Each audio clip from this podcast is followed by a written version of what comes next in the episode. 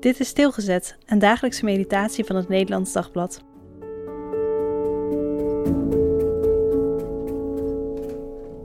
Tempel, Efeziërs 2, vers 21.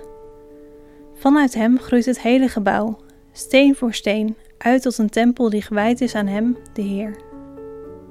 Aan de overkant van het dal wordt gebouwd. Hijskranen zwaaien, op alle stijgers zie je mensen bezig het moet een geweldig gebouw worden, dat kun je al wel zien. Maar het meest opvallend is de basishoeksteen. Een immens rotsblok dat oprijst vanuit de diepte. Aan de groeven erin zie je hoeveel deze rotsel heeft meegemaakt. Want dit is een gebouw waaraan al eeuwen gebouwd wordt. Het wordt een tempel voor de Allerhoogste.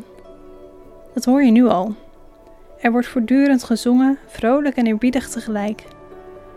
En ook als de bouwers kreunen onder de zware last, dan vloeken ze niet, maar ze dragen hun last als een offer.